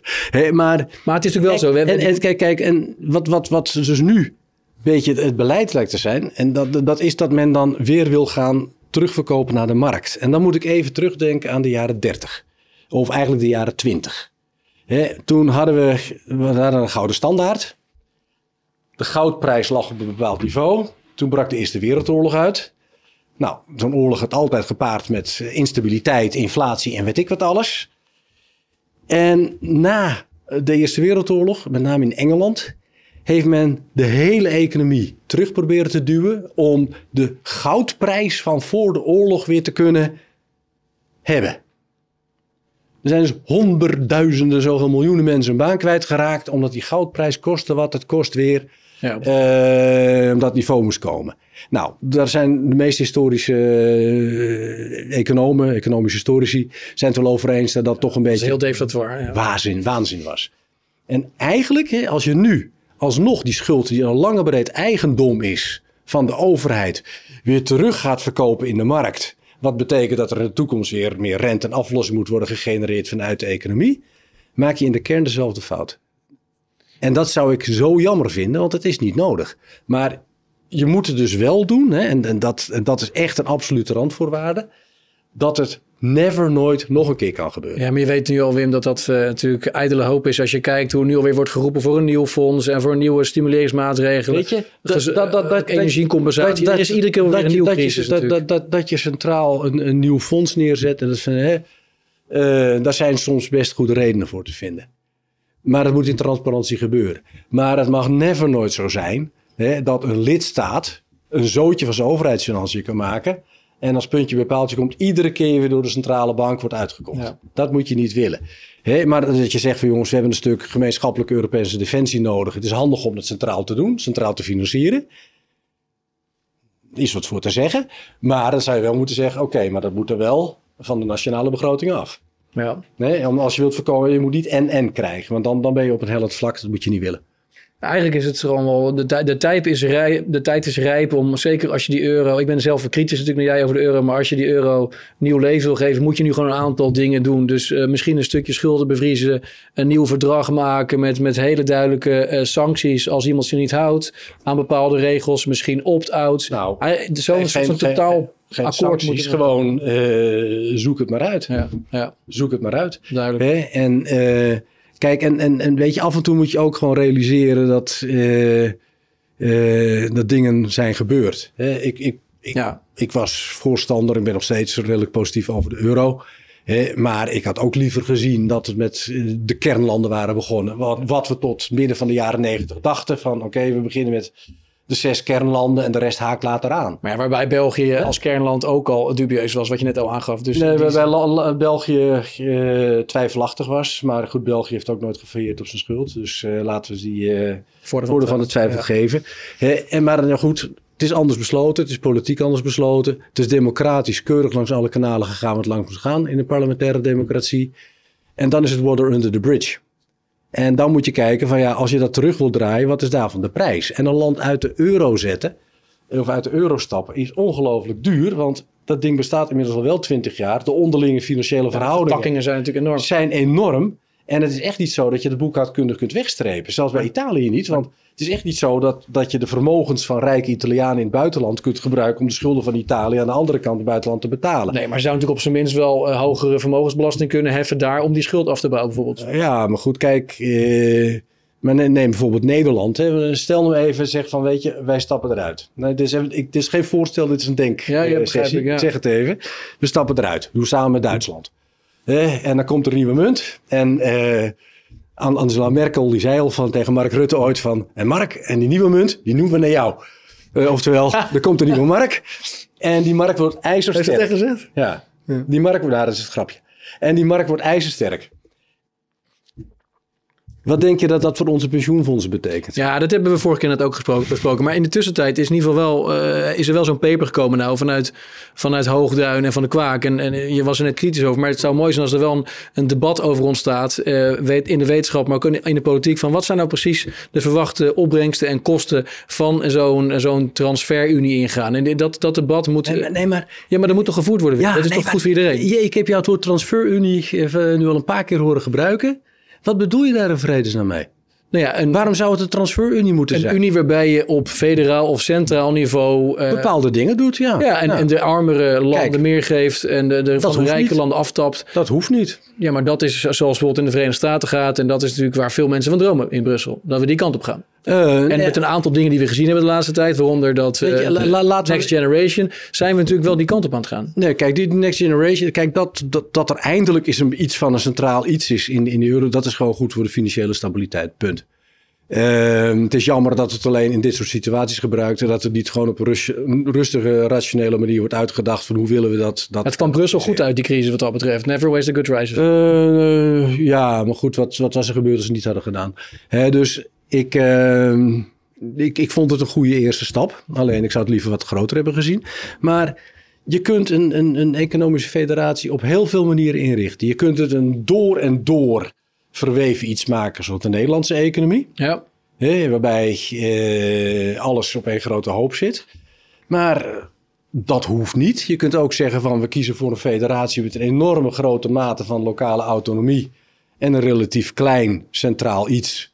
Wat zorgt dat de echt gemeenschappelijke dingen. En dan vind ik dingen als energiebeleid, voedselbeleid, eh, verdediging en dat soort zaken, klimaatbeleid. Nou, dat zijn typisch dingen die grensoverschrijdende impact hebben, die alle landen raken. Waarbij het ongelooflijk handig is als we dat met gezamenlijk doen. Maar dingen als sociale zekerheid, arbeidsmarktwetgeving. Nou, laat dat voorlopig maar even op nationaal niveau liggen. En misschien dat we er over honderd jaar anders tegenaan kijken. En al die verschillende varianten en smaken zou je, zou je, moeten, moeten, je moet, zou moeten bespreken. Wat zijn de voor- nadelen, kosten, baten van die verschillende smaken. En dat zou, dat zou het, het politieke debat moeten zijn. Ja, maar het zou dus wel een rationeel uh, rustig debat moeten zijn. En wat, wat, wat Zoals hier vandaag. Wij zijn uiterst rationeel en rustig. Maar maar wat, wat mij opvalt, of het nou om de digitale euro gaat, maar ook over de euro zelf. Ja. Er wordt meteen zoveel geschreeuwd en geroepen en gedaan. Aan beide kanten. Hè? Als je kritisch over de euro bent, dan ben je snel fascist. Nou, dat... Bij wijze van. En soms letterlijk. En als je, als je, uh, maar ik denk dat het debat in Nederland zou wat volwassener mogen over dit thema.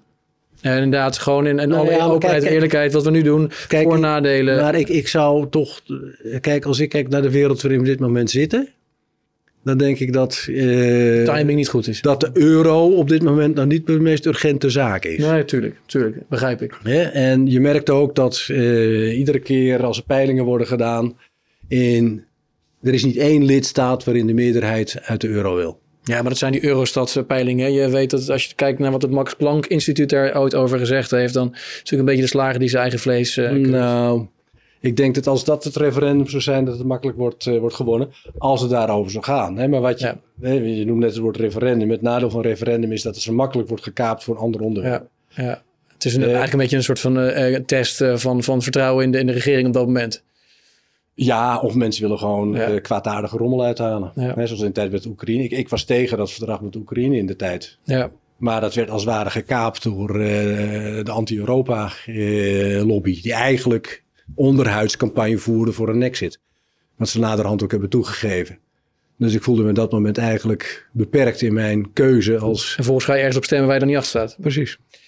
Nou goed, Willem. het is, ik zie dat we toch alweer een behoorlijk eind onderweg zijn. Ehm, ik, ik, ik, denk dat we niet aan ontkomen om, om over een half jaar deel 3 te doen. Laten we er een half jaar ik doe het graag. traditie van maken. Ja hoor. Uh, Dan weet ik hopelijk ook iets meer over die, hoe die digitale euro eruit gaat zitten. Want ja. ik, ik maak me daar dus wel zorgen over. Ja. Het, het, het kan echt een toevoeging zijn. Maar dan moet er toch langzaam zeker wel, wel een rustig debat worden gevoerd. Je had het over de publieke betrokkenheid bij het debat. Dat was wel een hele eenzijdige georganiseerde betrokkenheid. Nogal wat mensen nou, die binnen wilden, die zijn maar ergens anders bij een camera gaan zitten. Ja. Vanwege een on, buitengewoon onplezierige sfeer op het plein. Nou, ik ben zelf, ik was zelf, zelf op plein en er waren een aantal uh, railschoppers. Maar de, meeste mensen die ik daar sprak waren op, oprecht uh, bezorgd en geïnteresseerd in het onderwerp. Dus uh, ik heb het echt met, met eigen ogen meegemaakt. Mm -hmm. Ik merkte vooral heel veel betrokkenheid. En, en ook veel zorgen die jij bijvoorbeeld ook hebt. Maar goed, we gaan het inderdaad de komende tijd zien. Um, jij bent ook bij ons event, 20 januari. Ja. En de vorige uh, moest je verstek laten gaan. Ja, dat, ja, dat was heel lullig. Maar nu ben je helemaal weer topfit. Dus dat, ja. uh, dat event is helaas uitverkocht. Ik richt me even tot de kijkers. Dat, dat gaan we ongetwijfeld weer organiseren. Vind je het leuk? video, like het en abonneer je op dit kanaal. Waar we proberen zoveel mogelijk verschillende interessante gesprekken met verschillende um, ja, invalshoeken te, te, doen. Zodat je een breed beeld krijgt van wat er allemaal speelt in het financiële systeem. Wim, ik wil jou bedanken en tot, tot in ieder geval tot januari. Tot de volgende keer. Beste wens alvast. Hetzelfde.